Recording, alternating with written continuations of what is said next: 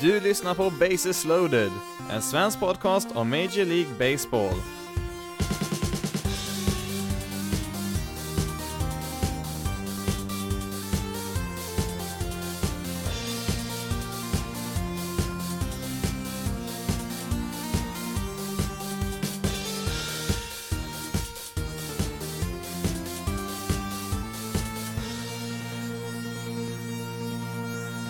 Hej och välkommen till veckans avsnitt av Bases loaded, en svensk podcast om Major League Baseball.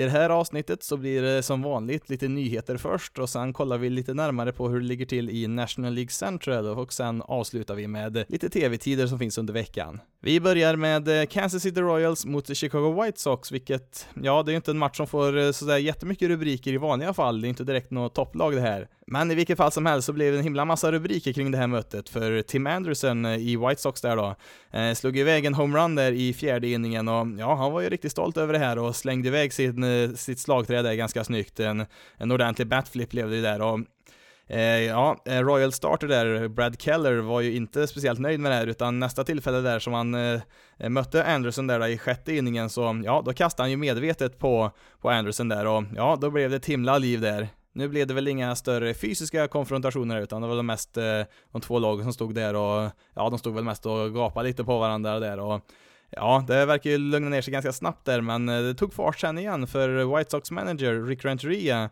Eh, han, eh, ja, han gick mot Royals-spelarna där och brukade börja skälla på dem att de skulle gå därifrån och ja, Royals manager Ned Jones tyckte ju att nej, det här var inte okej. Okay. Jag sköter mina spelare och du sköter dina spelare tyckte han och gick, ja, han kom ju rätt in i ansiktet på Renteria där och började skälla ut honom där nu så att eh, ja, det tog fart en gång till där, men eh, ja, det gav sig ju det också till slut där. Nu var det väl inte den här konfrontationen i sig som var den stora nyheten, utan det var ju just det här att eh, eh, Brad Keller då kastade medvetet på Tim Anderson där när han skulle slå. Och ja, det har ju varit en pågående diskussion nu, ganska, ganska het debatt här nu de senaste åren i alla fall, eh, om det ska vara okej okay att medvetet kasta på en eh, slagman eller inte. Nu kan man ju tycka att det borde vara självklart att man inte ska kasta på motståndaren eh, eh, medvetet, men det, tyvärr så är det ju något av en tradition som brukar dyka upp lite då och då under säsongen. Det är ju så att eh, en del eh, tycker att det är helt rätt att sätta en boll i sidan på en spelare för att markera att han uppträtt respektlös på något sätt. Och ja, respektlöshet, det kan ju vara väldigt mycket, men eh, en del anser ju då att en batflip vid en homerun, att det, det är inte okej, okay, utan man ska ta sina baser, ja, springa runt baserna där och inte göra för mycket väsen utav sig som Tim Anderson gjorde nu då, i den här matchen. Ehm, och ja, det är en del som tycker att ja, men det är väl självklart att gör man så, då får man räkna med att man blir träffad av en boll sen nästa gång man ska upp och slå. Det här brukar ju då eh, sätta igång en diskussion varje gång det händer om eh, det här är rätt eller inte.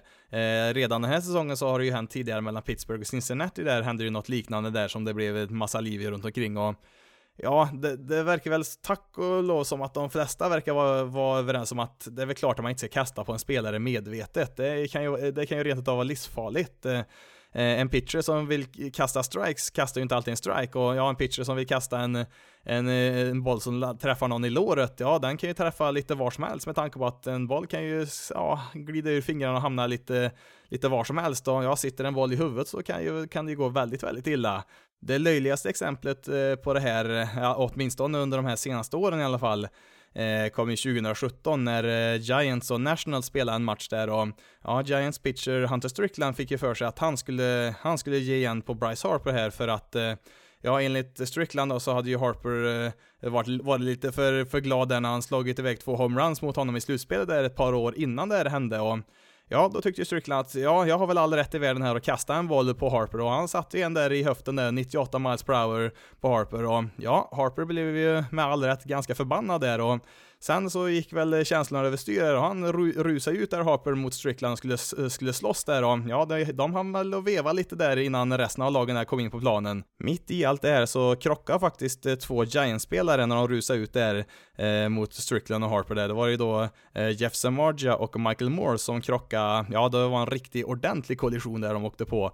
Och eh, ja, Michael Morse, eh, han eh, fick en hjärnskakning här och spelade faktiskt inte en enda MLB-match till efter det här, utan han pensionerade sig efter det här och ja, nu var väl hans karriär i princip slut ändå, det var väl hans sista säsong i vilket fall som helst, men nu är det väl ändå väldigt det är ju så löjligt att det ska behöva hända en sån här grej över en sån struntsak egentligen. I vilket fall som helst då, så kom det ut lite avstängningar här nu också på de här spelarna i Royals och White Sox som var inblandade här nu i förra veckans eh Eh, situation här. Och ja, Brad Keller då, eh, pitchen där i Royals, han fick ju då fem matcher, vilket brukar vara standard då för pitchers, att de då Eh, får skjuta bak en, eh, sta en, en, en, start med en dag ungefär, så att det inte direkt mycket till avstängning. Eh, ehm, även Rick Renteria, managern där då i White Sox, fick en match avstängning och det fick även Tim Anderson då, lite oväntat, fick också en avstängning på en match. Men det var, det var ju, kom ju fram då att det var inte för att han hade eh, gjort en batflip eller något sånt där, utan det kom ju fram att han hade väl använt något, använt något språk där som inte var okej enligt MLB där, så att han fick ju också en match avstängning där.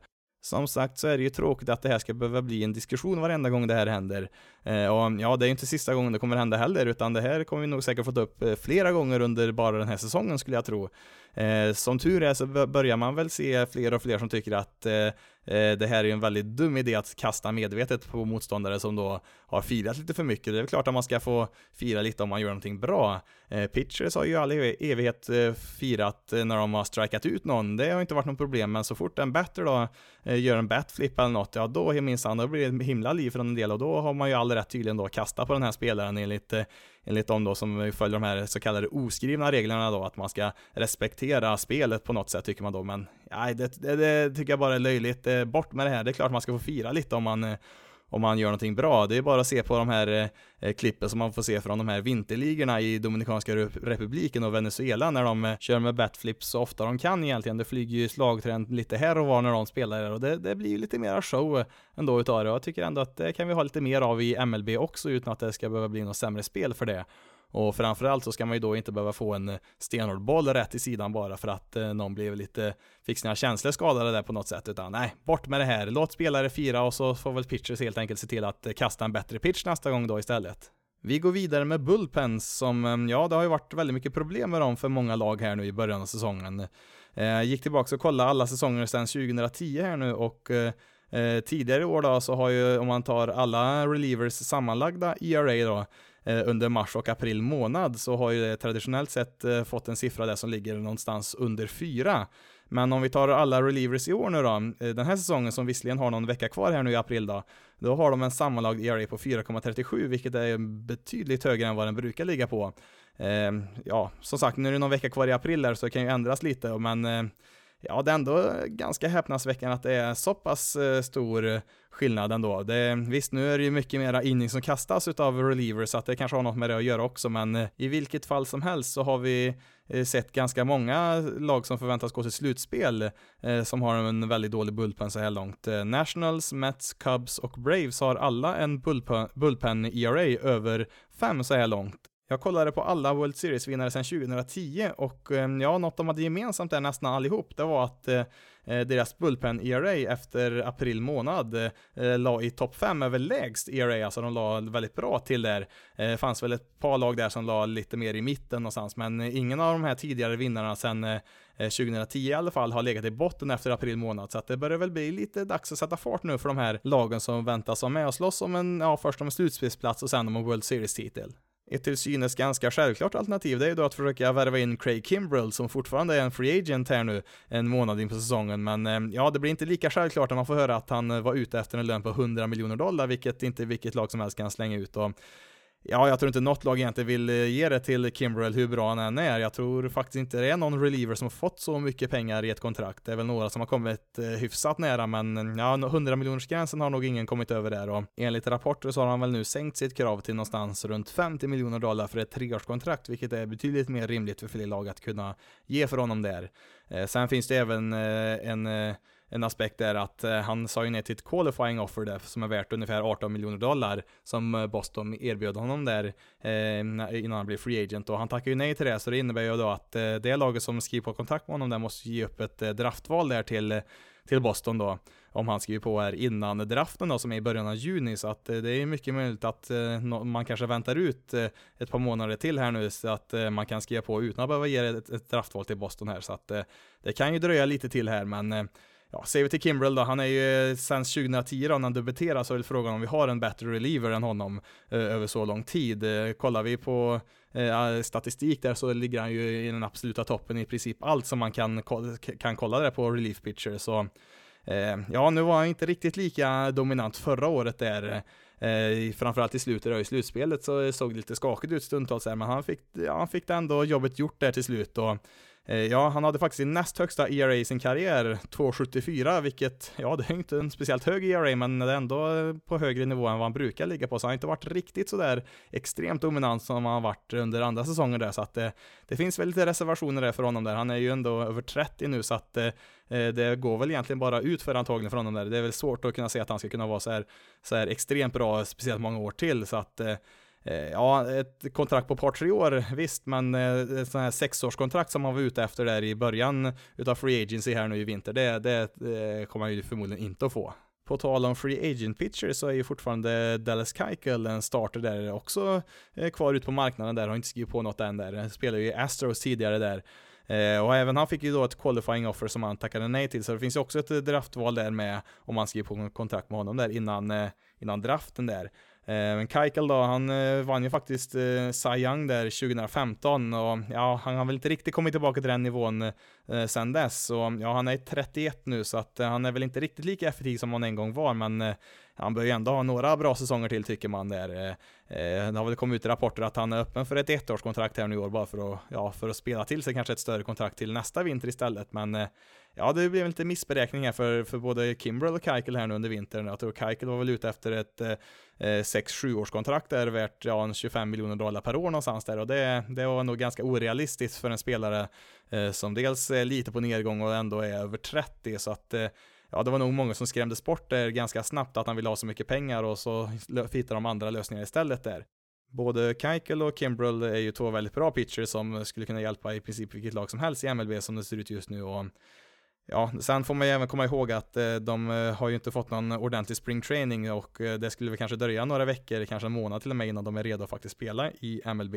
För att det, det går inte att jämföra den träningen de har gjort på egen hand, det går inte att jämföra med en springtraining med en MLB-roster. Det, det, är inte riktigt samma sak, så att det skulle ju ta ett tag innan de skulle kunna komma igång där. Så att Ja, det, det, är väl lite i åtanke där också att eh, även om de värvar dem nu så kommer det dröja ett tag innan de faktiskt eh, kommer vara redo för att spela i MLB. Vi går vidare med lite skaderapporter, för det är en del eh, tunga namn här som har dykt upp här nu på dagens injury list här nu under veckan. Och ja, vi hade ju bland annat då Jacob DeGrom där, eh, eh, starten i Mets, som, ja, han hamnade ju på deras injury list efter att man rapporterat att han skulle undersöka sin armbåge där, vilket aldrig är ett gott tecken. Ska tydligen ha ömmat lite där när han kastade, men ja, de sa att ja, det kändes tydligen bättre redan efter någon dag där, men de sa inte så mycket mer, så det är lite svårt att veta. Eh, man kom även ut och sa att eh, en, en del av det här att han placerades på lagets eh, injury list var ju att han också var sjuk tydligen. Och Ja, vi vet ganska lite här nu när jag spelar in på söndagen här och hur det ligger till, men det är ju som sagt aldrig ett gott tecken när en pitcher börjar få ont i armbågen här och det pratar om undersökningar, då ringer det ju väldigt mycket varningsklockor där. DeGrom har ju faktiskt haft en Tommy John-operation tidigt i karriären där innan han var uppe på MLB, men sen han debuterade 2014 så har han ju ändå varit ganska hel och kastat mycket innings och så, men Ja, vi får väl se här. Han skrev ju på ett nytt kontrakt precis innan säsongen började här, så att det vore väl tråkigt om han började det kontraktet med en skada direkt här. DeGrom var ju riktigt bra de två första starterna där i år, men sen har han ju haft två starter till här nu som inte alls sett eh, lika bra ut. Och ja, ska Mets ha en chans här så behöver man nog ha DeGrom eh, eh, frisk här under säsongen. Man kanske inte kan förvänta sig att han ska vara på Cy Young-nivå som han var förra året där, men ja, man behöver ju både ha honom och en del andra namn där i sin rotation frisk om det här ska hålla hela vägen till slutspel. På tal om eh, just uh, Cy Young-vinnare från förra året så har ju då även Blake Snell hamnat på Tampa Bays injured list där. Uh, förväntas dock bara missa en enda start där, så han behöver komma tillbaka i någorlunda liknande form kan man hoppas, för han har inlett säsongen väldigt, väldigt bra. Han har då brutit en tå och det var inte så att han bröt den här tån på baseballplan där, och fick någon boll på sig eller så, utan det var ju faktiskt så att han var hemma och klev ur duschen där och ja, han fick väl för sig att han skulle flytta någon tung möbel där i granit. Och ja, den var ju tydligen i flera delar den här möbeln då. Och när han lyfte ena delen där så välte väl någonting som inte satt fast i det där han lyfte. Och ja, den välte ju över tån där och ja, det var ju en fraktur på den då. Så att eh, lite snöpligt där men eh, ja, det kunde varit eh, betydligt värre än så. Så att det var kanske lite tur i oturen ändå där för Snäll som började vara tillbaka ganska snart som sagt. Sen så har vi även Blake Snells eh, tidigare lagkamrat Nate Iovaldi som eh, placerades på Red Sox injured list här nu med lite armbågsproblem han hade ju liknande problem förra året och då var han tvungen att göra en operation där som gjorde att han missade två månader av säsongen där.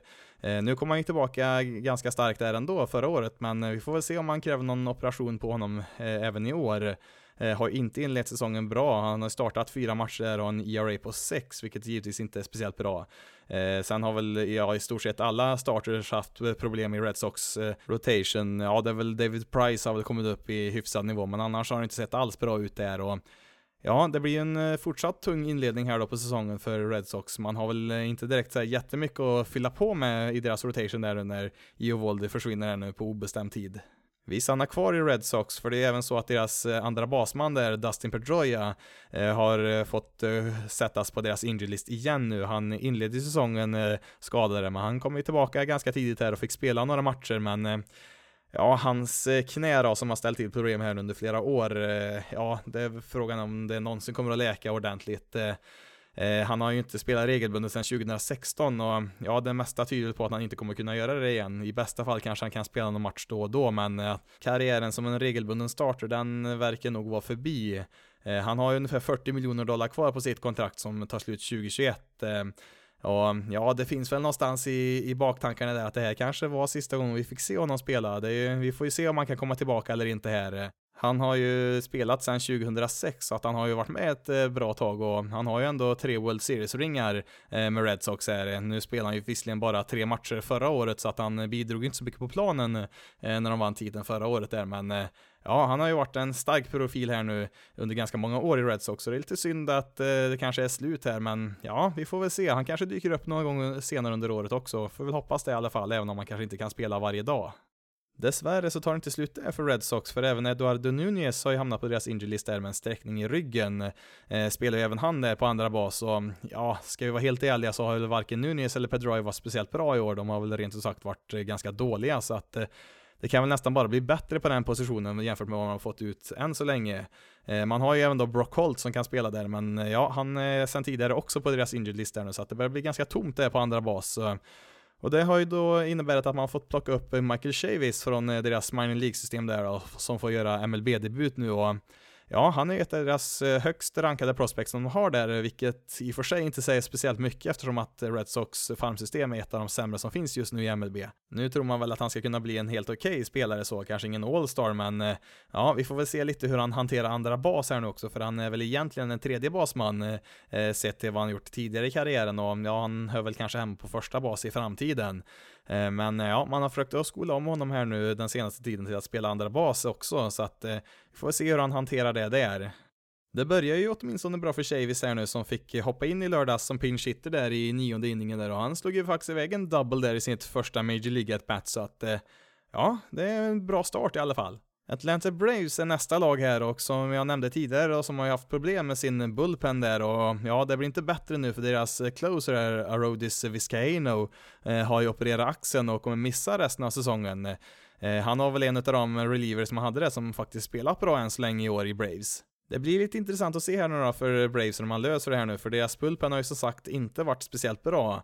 Eh, men man har ju väldigt många unga lovande pitchers i deras eh, eh AAA-lag där, eh, eller ja, de har extremt många eh, unga lovande namn där som eh, säkert kommer att vara väldigt bra spelare i framtiden. Några av dem har ju redan pr provat på att spela på MLB-nivå, ja, ett par stycken av dem var ju även uppe på opening day här nu och fick spela lite och ja, det gick väl inte så bra där för ett par starters så att de skickade sig ner där igen så att de skulle få spela på lite lägre nivå, men eh, det är väl inte helt omöjligt att de får kanske komma upp som relievers istället då, att eh, eh få testa på lite mer MLB-spel där, men kanske inte eh, lika många innings då, som starters, så, så, vi får väl se lite där. Man har ju även eh, kopplats ihop där med, med Craig Kimbrell då, som vi nämnde tidigare, han har ju faktiskt spelat i Braves eh, tidigare och Ja, det är frågan om man då vill slänga ut de här pengarna som man kräver där eller inte, men eh, ja, man behöver ju förstärka sin eh, bullpen i alla fall, för som man ser ut just nu så kommer man ju inte att eh, räcka till i, i, i sin division där som kommer bli stentuff i toppen. Sen kommer vi då till den obligatoriska delen av skaderapporten, nämligen vilken Yankee-spelare är skadad den här gången? Jo, först och främst så är det då Greg Bird som eh, skadade hälen här nu, spelar ju på första bas och som designated hitter eh, blir borta här nu ett tag och ja, han eh, var ju tidigare ett väldigt lovande prospect som man trodde skulle bli väldigt, väldigt bra. Men eh, ja, han har ju varit eh, skadad i princip hela sin MLB-karriär så han har ju inte kunnat producera speciellt mycket. Och ja, det har inte sett speciellt bra ut i år heller så att rent prestationsmässigt så Eh, så tappar man väl inte så mycket, men eh, ja, det är ytterligare ett namn på deras väldigt, väldigt långa injured list här nu. Eh, jag tror nog deras spelare på in deras injured list är nog, har nog en bättre lineup än vad de kan ställa upp på planen som det ser ut just nu. Sen när man inte trodde att det kunde bli så mycket värre så var det just det det blev.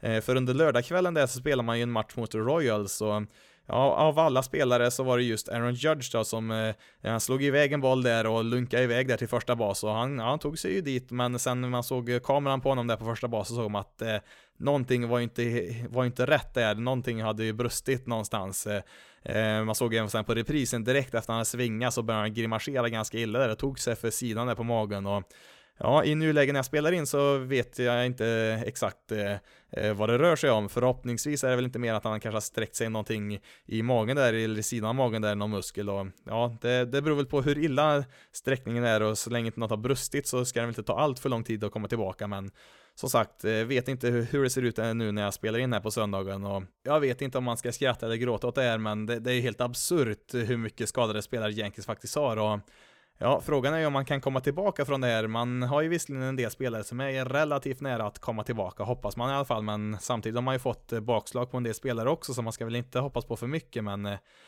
ja, det, det ser tufft ut för Yankees just nu, som har väldigt mycket reservspelare på sin eh, roster just nu. Vi avslutar nyheterna med ett annat ständigt återkommande ämne här och det är då kontraktsförlängningar, eller ja, rättare sagt en kontraktsförlängning ska vi ta upp här. Och det är ju då Chris Davis i Oakland som eh, har skrivit på ett tvåårskontrakt som kommer gälla från och med nästa år då, eh, värt eh, 33,5 miljoner dollar och ja, han hade ju varit eh, free agent i vinter annars om han inte skrivit på det här kontraktet.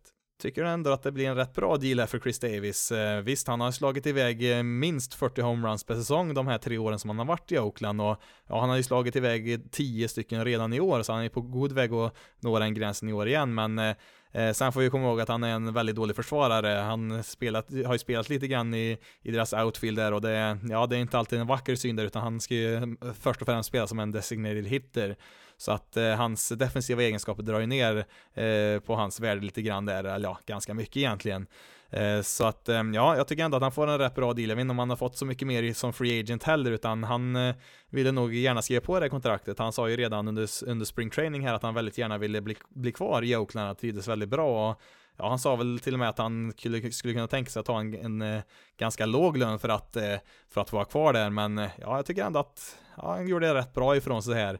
Det har ju varit en del kontrakt här nu på sistone som har varit väldigt gynnsamma för lagen här och ja, Oakland är väl inte ett lag som är direkt kända för att ge ut speciellt stora summa pengar så att ja, med tanke på att han ville vara kvar i Oakland så tycker jag ändå att han får vara rätt nöjd med den här dealen här. Trenden fortsätter nu då med kontraktsförlängningar innan man når free agency, vilket verkar vara något som de flesta spelarna vill, eh, vill göra just nu, för det är väldigt osäkert hur det kommer att gå till i free agency här nu. Eh, och då ser vi då på listan vilka som kommer att vara free agents här nu i vinter så är det ju ganska tunt med stora namn här. Eh, de har ju försvunnit en efter en här nu. Nolan Arenado och Paul Goldschmidt till exempel har ju redan skrivit på. Eh, Chris Davis då som vi nämnde nu och eh, ja, det största namnet som finns kvar det är väl Anthony Rendon, eh, tredje basman i Washington National. Så ja, det kommer ut rapporter här nu i veckan att man har börjat prata med varandra och försöka komma fram till ett eh, kontrakt eh, innan säsongen tar slut här. Eh, samtidigt så rapporteras det att man ligger ganska långt ifrån varandra i förhandlingarna också. Eh, Rendon vill ju säkert ha en hel del pengar här. Han är ju nog en av de kanske mest underskattade spelarna i hela MLB. Eh, han har ju producerat eh, sex wins above replacement två säsonger säsonger i rad här nu, så han är ju riktigt, riktigt bra. Sen är han väl kanske inte så här jättestort namn, han hamnar ju lite i skuggan där bakom andra spelare på samma position som till exempel då Manny Machado och Nolan Arenado som får lite mer rubriker. Men Rendon är ju som sagt en riktigt, riktigt vass spelare. Han fyller ju 29 här nu i sommar, så att han är ju inte så jättegammal, men han lär väl inte få något tioårskontrakt heller skulle jag tro. Men vi får väl helt enkelt se om han eh, förlänger med Washington här nu, eller om han blir det här stora namnet i Free Agency här nu i vinter. Finns ju som sagt eh, ganska få stora namn kvar där, som det ser ut just nu. Eh, ja, Madison Bumgarner och Yassel Puig och några till finns ju, men som sagt, det, det finns inte speciellt mycket att välja på där om vi ska vara helt ärliga.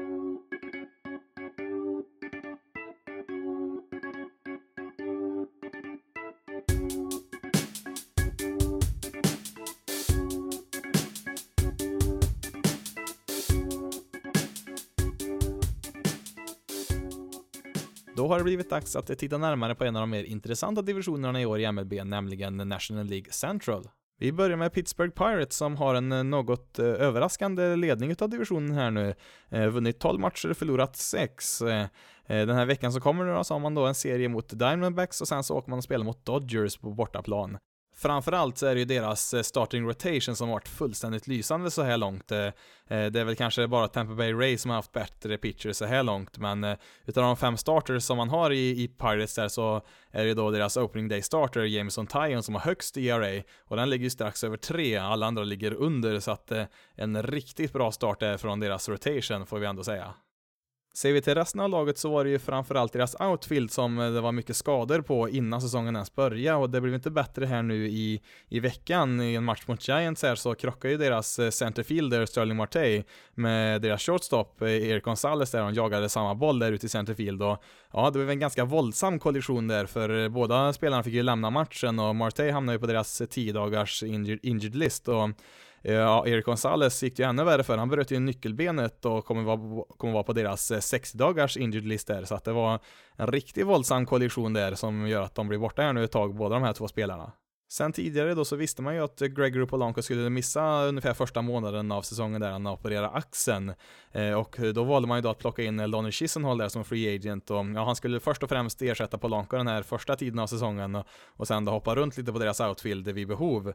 Eh, men eh, Chisenhall han blev även han skadad. I springtraining där så bröt han fingret och ja, det finns väl till och med en liten risk att Polanco kanske är tillbaka i truppen innan Chisenhall är frisk där, men eh, ja, båda de här två, två, två skulle vara tillbaka ganska snart. Eh, sen så har man ju även då Corey Dickerson som åkte på en axelskada ganska tidigt på säsongen här. Han vill spela några enstaka matcher och han ska väl också vara snart tillbaka och ja, det, det är inte några jättestora stjärnor de här Polanco, Chisenhall och Dickerson, men det är ju sådana här spelare man har byggt sin trupp av traditionellt sett. Man har ju inte de här stora super superstjärnorna i regel. Ja, Andrew McCutcheon var väl ett undantag där man hade ett tag, men eh, eh det är ju sådana här spelare som, ja, de producerar helt okej okay och man gör det på de flesta positionerna och på så sätt så hoppas man då kunna bygga ett slagkraftigt lag så att eh, man behöver ju ha de här spelarna friska för att det ska, för att det ska fungera det här lagbygget man har. Trots alla de här skadorna så har man ändå fått ut väldigt bra produktion för sitt outfield eh, från deras reserver. Eh, framförallt då Melky Cabrera, en veteran där som gör sin 15 MLB-säsong, eh, har inlett med en slashline på 340, 364, 453, vilket är väldigt, väldigt bra.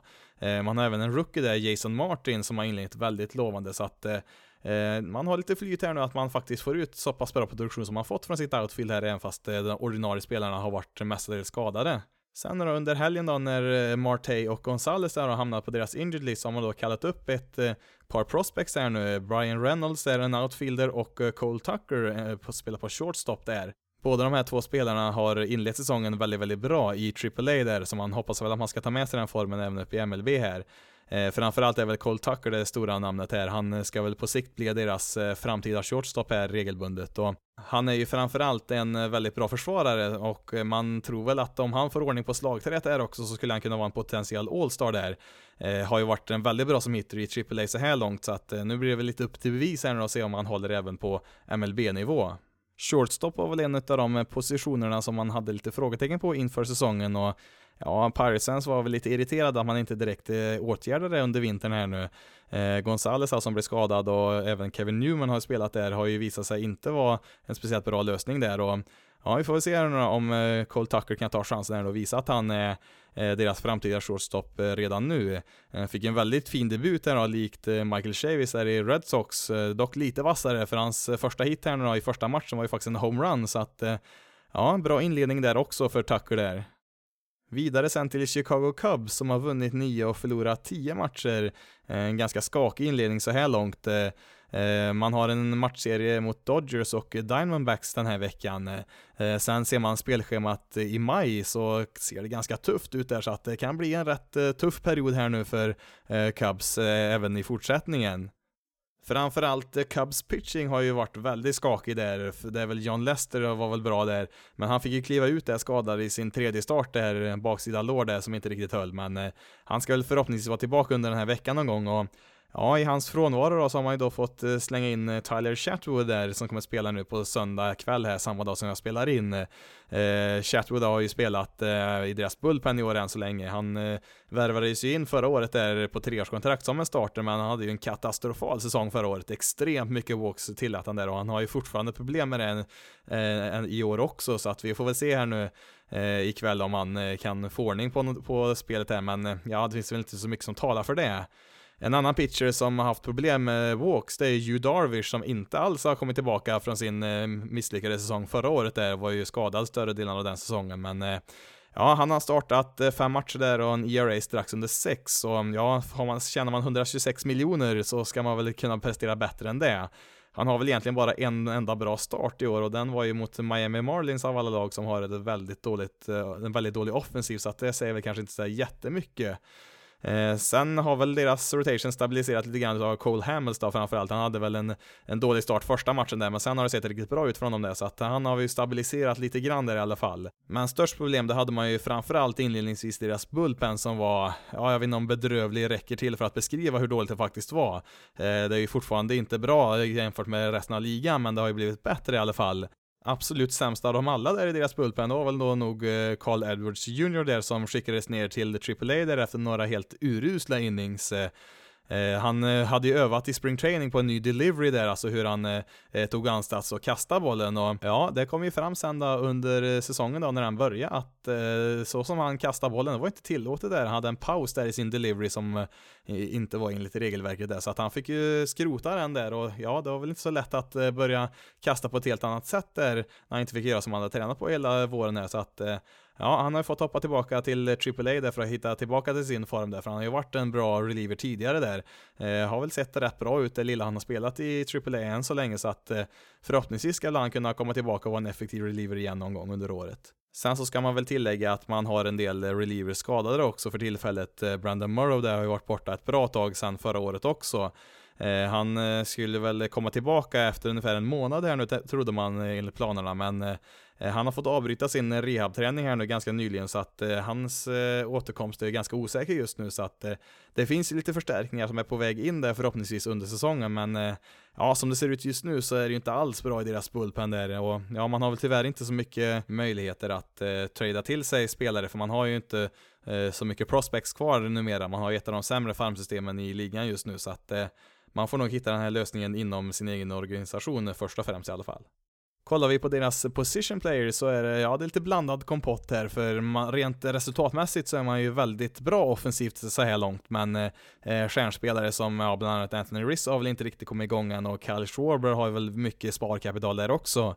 Eh, Chris Bryant har väl inte heller levt upp riktigt till de förväntningar man har på honom där, så att eh, där har man ju tre spelare som skulle kunna höja sig ganska rejält. Eh, Ehm, det är väl framförallt då Wilson Contreras, deras catcher där som varit riktigt het eh, än så länge. Han har en slashline där på 3.33, 4.69, 7.65. Däremot så fortsätter ju Contreras att ha lite problem där rent defensivt som catch där när det gäller framing då som vi pratade om i förra veckans avsnitt. Eh, eh, det vill man ju förbättra lite i Cubs eh, jämfört med förra året men ja, man är än så länge fortfarande en av de sämre lagen i den kategorin där så man har inte fått ordning på det så att det kanske är en liten del i varför deras pitchers har haft så, så svårt här nu på sistone. En väldigt positiv överraskning så här långt i år, det är ju Jason Hayward som skrev på ett åttaårskontrakt 2016 där och han har ju varit en rejäl besvikelse eh, fram tills nu då i alla fall. Eh, han förbättrade sig ganska rejält eh, redan förra året eh, jämfört med vad han producerat eh, tidigare där i Cubs, men eh, i år så har han varit en av ligans bästa hitters så här långt. En förändring är att han eh, slår till bollen hårdare nu, eh,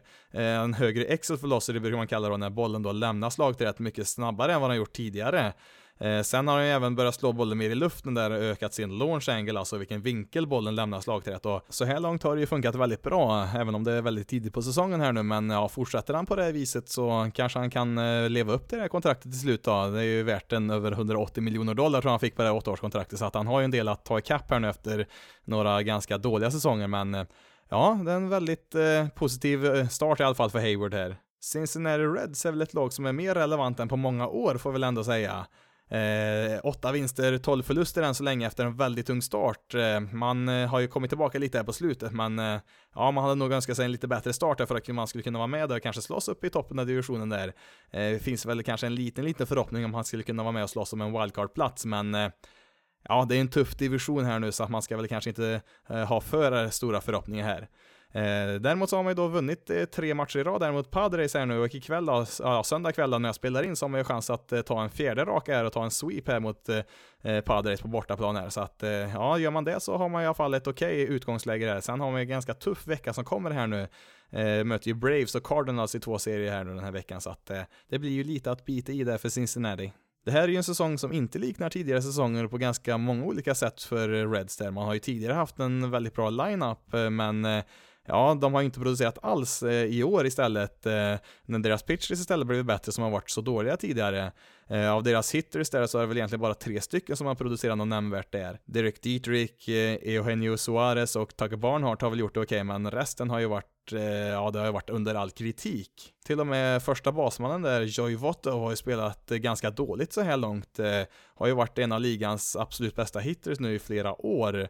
Eh, han var ju lite sämre förra året, var ju fortfarande bra, men han var inte på den här riktigt jättehöga nivå som han har brukat vara på tidigare, så att eh, ja, det finns väl en risk att han kanske är på väg lite ut för här. Han är ju en spelare som är känd för att ha väldigt bra koll på strikezonen, men eh, ja, i år så eh, är, har han ju lika mycket walk som genomsnittet ungefär, och han brukar ju ligga väldigt högt i den kategorin annars där, och hans strikeouts alltså har ju gått upp riktigt mycket i år, så att någonting är det som inte riktigt stämmer än för Watto så här långt. Under vintern här så tradar man ju till sig ett par outfielders här nu från Dodgers, Yasiel Puig och Matt Kemp. Eh, de har väl inte producerat något nämnvärt än så länge i år. Under veckan så återvänder man ju då för första gången till eh, Los Angeles då efter den här traden och ja, Puig finns det väldigt många åsikter om. En del älskar honom, en del hatar honom. Men eh, ja, Dodger Stadium verkar väl vara ganska glada över att se honom tillbaka där. Fick ju en del applåder och så.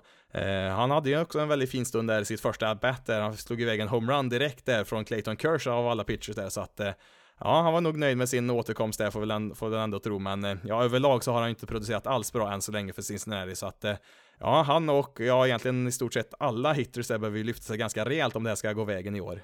Reds eh, största satsning det är ju helt klart i deras rotation som under ganska många år nu varit eh, fullständigt urusel. Eh, men nu har man fått in lite, lite profiler här. Sunny Gray i en trade från Yankees, man har fått eh, in eh, Tanner Rourke och eh, Alex Wood kom ju dessutom in i samma trade som Puig och Kemp kommer ifrån i, från Dodgers. Alex Wood har ju däremot inte spelat någonting än, han fick lite problem med ryggen under spring training här, men han har kunnat göra några rehabstarter här nu i Money League, så att han ska väl vara tillbaka ganska snart. Så här långt så har ju satsningen på deras rotation funkat väldigt, väldigt bra. Eh, Luis Castillo som finns här sedan tidigare har ju inlett eh, riktigt, riktigt bra, ser ut som ett riktigt ace just nu. Eh, har en ERA på 1,47. Även Sonny Gray har inlett väldigt bra. Han hade ju en väldigt tung säsong förra året i Yankees där, men eh, ja, så här långt så ser det ut som han är tillbaka eh, på gammal nivå här som han hade när han spelade i Oakland där och ja, kan hålla den nivån så kommer det bli riktigt bra. Eh, även Tanner Rourke har sett eh, stabil ut och ja, det är väl egentligen bara Anthony Descalfani där som eh, deras femte starter som inte har spelat speciellt bra, men ja, även han skulle kunna vara ganska bra om man skulle ge upp lite homeruns där så skulle han också kunna vara ganska produktiv där. Även deras bullpen har sett bra ut än så länge och det är ju trots att deras closer Raziel Iglesias har inlett säsongen väldigt dåligt. Eh, har ju varit riktigt bra de senaste åren men ja, det har inte sett alls bra ut än så länge men eh, Eh, som tur är så har man ju andra eh, relievers där som har tagit, steg, tagit steg framåt där, bland annat Robert Stevenson och Amir Garrett har ju varit eh, lysande så här långt så att eh, deras pitches ser ju väldigt, väldigt bra ut än så, än så länge och ja, kommer deras hitters igång också som vi tror att de ska kunna göra, då kan det här laget bli ganska farligt ändå. Lite tråkigare nyheter när det gäller pitchers, det är ju deras eh, eh, prospect är ett av deras bästa, Hunter Green, som rankas väl någonstans runt topp 50 eh, bland alla prospects i MLB där. Han har ju varit tvungen att genomgå en Tommy John-operation där. Eh, han valdes ju som nummer två i draften 2017 där, så att eh, han tror man ju väldigt mycket om där, fyller ju 20 år i år, så att han har ju ganska lång tid på sig att återhämta sig och ha en lång karriär.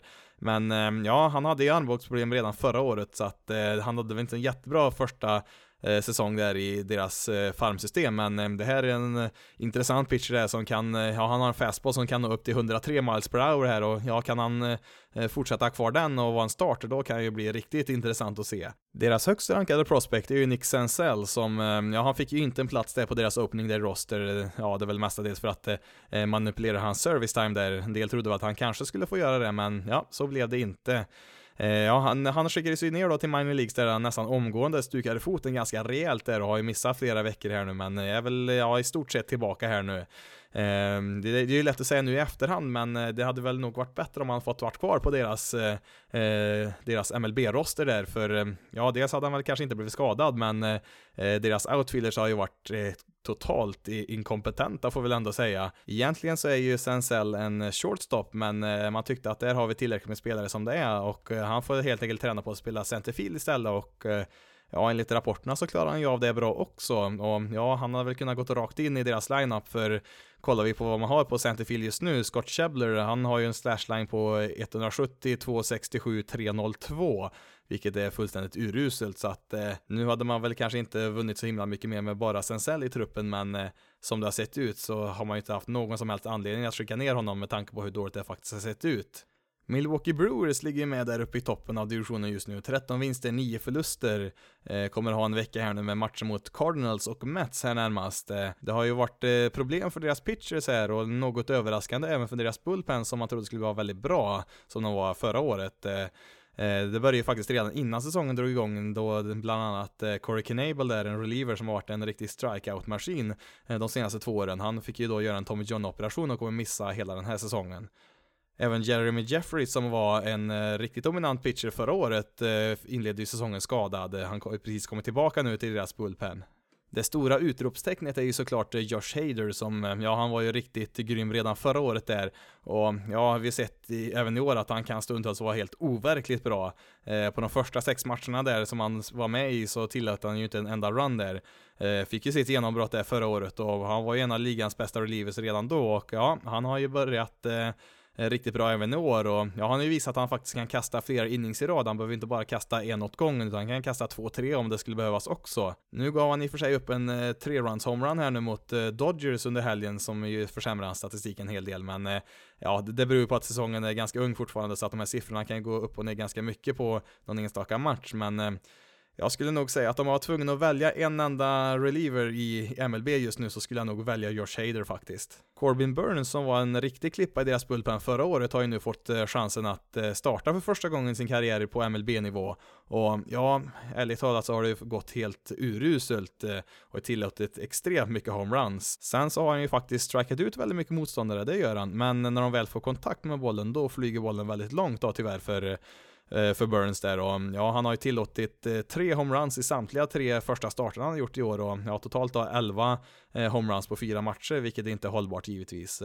Så nu har han ju då skickats ner till AAA för att försöka ja, jobba på en del grejer där innan han kan komma tillbaka där för Ja, han har ju som sagt visat att han kan vara en bra reliever, men en starter är givetvis mer värdefull, så att man vill ju förs försöka i alla fall och se om man har möjlighet att utvecklas som det.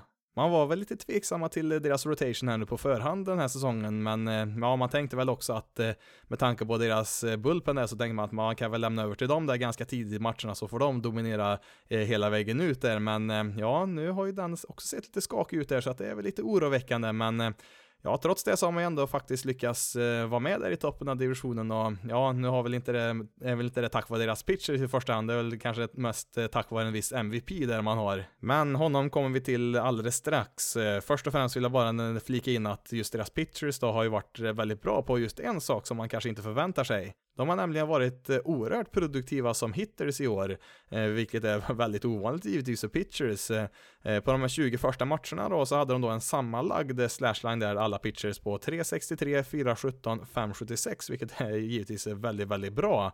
Eh, som sagt, det var bara 20 matcher, men ändå kul att kunna se att de ligger på en så pass hög nivå även på så få matcher. Jag har väl väldigt svårt att tro att det ska hålla sig hela säsongen, men ja, det är ändå lite anmärkningsvärt.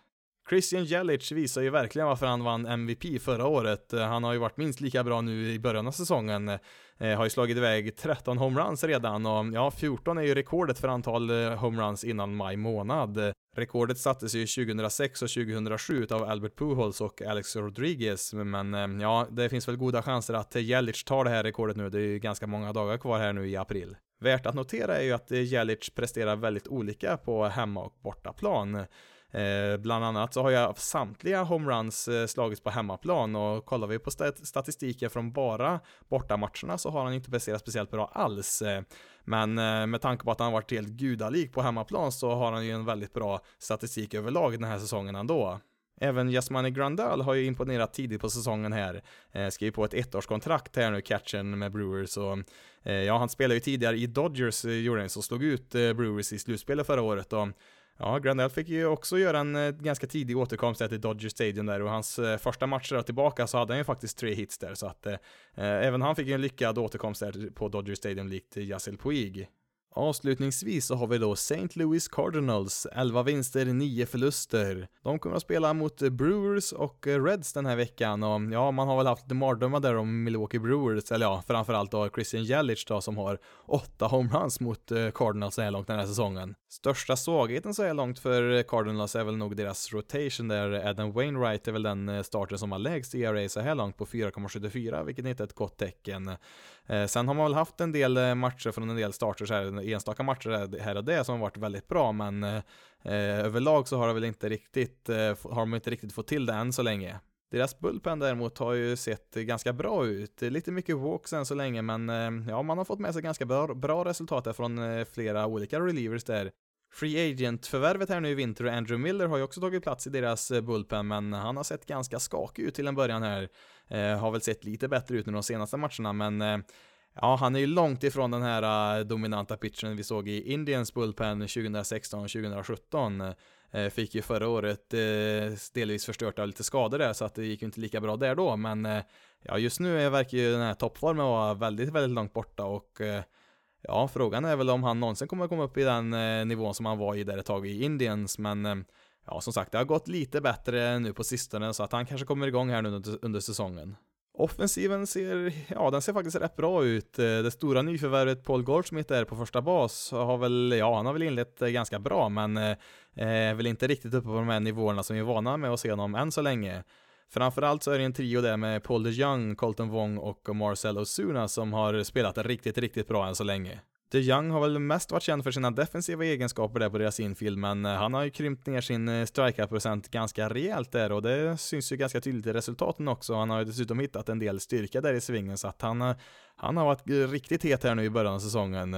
Som sagt, även Marcel O'suna har ju varit riktigt bra här nu i början. Han eh, var väl helt okej okay förra året också, men eh, man hade väl kanske förväntat sig lite mer från honom där. Man tradade ju honom från eh, Miami Marlins där inför förra säsongen och Ja, han var ju riktigt, riktigt bra där sista året i Marlins där 2017 så att han kanske har hittat tillbaka till den formen här nu igen. Han har ju slagit iväg åtta homeruns redan nu den här säsongen. Hade ju totalt 23 på hela förra säsongen och ja, den där säsongen där 2017 i Marlins då slog han iväg hela 37 stycken så att han han har ju en del kapacitet som kanske inte har visat tidigare i Cardinals så ja, förhoppningsvis så kommer det väl fram här nu.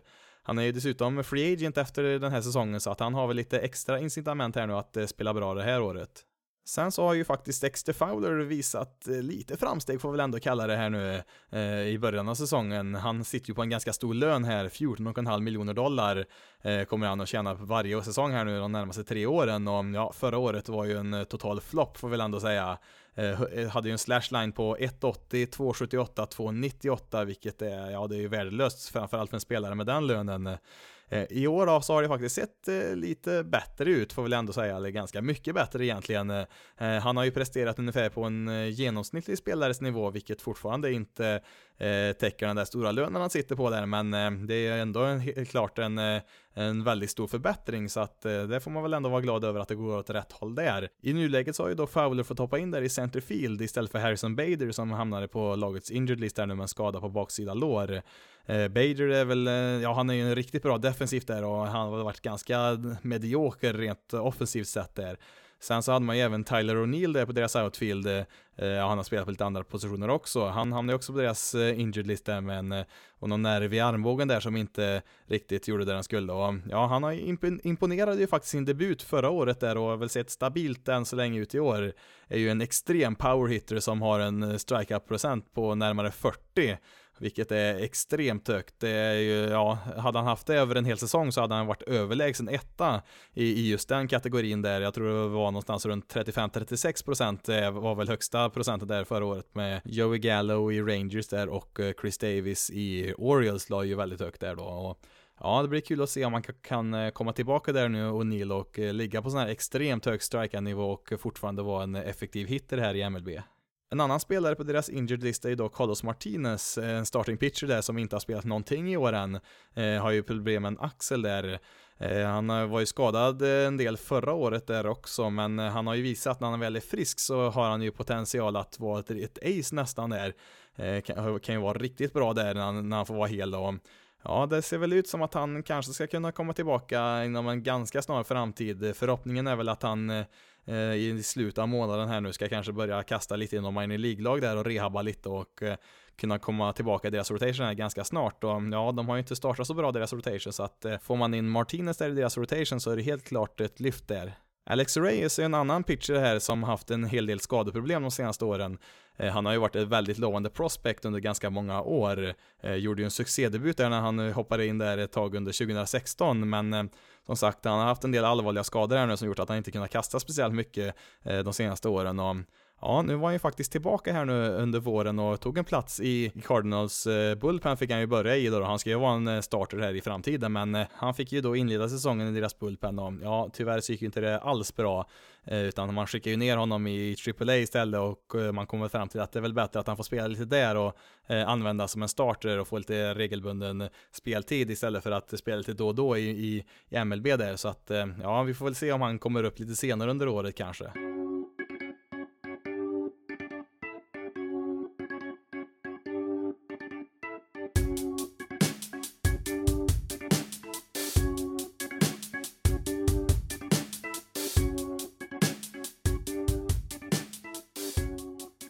Avslutar då med lite tv-tider här nu under veckan. Som vanligt så sänder ju då Viasat och Viaplay tyvärr väldigt få matcher som startar innan midnatt svensk tid, eh, i alla fall på direktsändning. Eh, hittade bara två matcher här nu under veckan. Eh, den första är på onsdagen då, den 24 april. Cardinals mot Brewers där sänds klockan sju på både Viaplay och TV3 Sport. Sen dagen efter där på torsdagen så sänder man även Cubs mot Dodgers där klockan åtta, vilket är ett ganska intressant möte ändå, men ja, som sagt Tråkigt att det bara ska vara så få matcher som sänds eh, tidigt. Eh, sen kan det givetvis eh, komma förändringar här. Jag har märkt att det, ibland så kan det ändras någon match lite här och där, så att det kan ju faktiskt dyka upp någon mer match på bra tid. Men man har väl i alla fall valt ut ett par ganska intressanta matcher de två vi får se, om man nu bara har tillgång till Viasats kanaler då. Sen så kan man ju faktiskt om man är väldigt intresserad också streama varenda match man vill på MLB TV. Eh, de visar ju också en match gratis eh, för de som inte har abonnemang där och då krävs det ju bara ett eh, gratiskonto på mlb.com. Tyvärr så spelas det inga matcher den här veckan som startar innan midnatt svensk tid på varken måndag eller tisdag utan vi får hoppa direkt till onsdagen här den 24 april och då har man en gratismatch där på MLB TV Royals mot Rays där börjar vid klockan sju om man vill se den. Eh, finns även ett gäng till matcher där som startar innan midnatt och det är väl inga jättemöten där. Det är ju Brewers Cardinals då som eh, även sänds på eh, TV3 Sport och Viaplay där kan man ju se om man är intresserad. Annars är det väl kanske ja, Washington Nationals mot Rockies kan väl vara lite intressant om Rockies kan komma igång lite här tills dess, men eh, ja, inga, inga toppmöten så i övrigt. Sen då på torsdagen så har vi två matcher då. Dels eh, Dodgers mot Cubs där som eh, även sändes på eh, TV3 Sport och Viaplay där vid åtta tiden. Men eh, eh gratismatchen på MLB TV den här dagen det är faktiskt eh, Diamondbacks mot Pirates där som startar vid halv sju. Sen får vi hoppa till lördagen den 27 april och då har man faktiskt sju matcher att välja på där mellan 8 och 10 på kvällen. Eh, gratismatchen då startar vid 8 där, Orioles mot Twins eh, visar man där då. Eh, annars så har man ju även eh, Padres mot Nationals, det kan vara intressant att se, och Indians mot Astros. Eh, eh båda de matcherna startar där vid 10, så att eh, där finns det några intressanta möten att se ändå. Som vanligt på söndagar då så spelas samtliga matcher utom en eh, innan midnatt svensk tid. Det är ju Indiens mot Astros det som sänds eh, klockan ett på natten, men eh, vill man inte sitta uppe så länge så kan man ju då dels se gratismatchen Cubs mot Diamondbacks där klockan 10. Ett par andra intressanta möten kan väl kanske då vara Brewers mot Mets där klockan 7. Padres National spelar ju där igen då halv åtta och sen har vi även Reds mot Cardinals där vid åtta som också kan vara lite intressant att se. Eh, men eh, ja, söndagar som sagt, då finns det ju mycket att välja på där om man har MLB TV. Det är ju som sagt bara en enda match där som startar efter midnatt svensk tid, så att resten startar ju någonstans mellan 7 och 10 på kvällen där. Ja, det får nog räcka det för det här avsnittet. Eh, du kan följa Basis loaded på sociala medier på Facebook, Twitter och Instagram. Behöver bara leta upp Basis loaded SE där. Eh, du kan även mejla in till basisloaded.se gmail.com. Du kan även besöka hemsidan basisloaded.se för lite mer om MLB på svenska. Men nu har jag pratat tillräckligt för det här avsnittet. Mitt namn är Jonathan Fabri och jag är jättetacksam för att du har valt att lyssna på det här avsnittet av Basis loaded. Ni får ha det så bra där ute så hörs vi i nästa veckas avsnitt.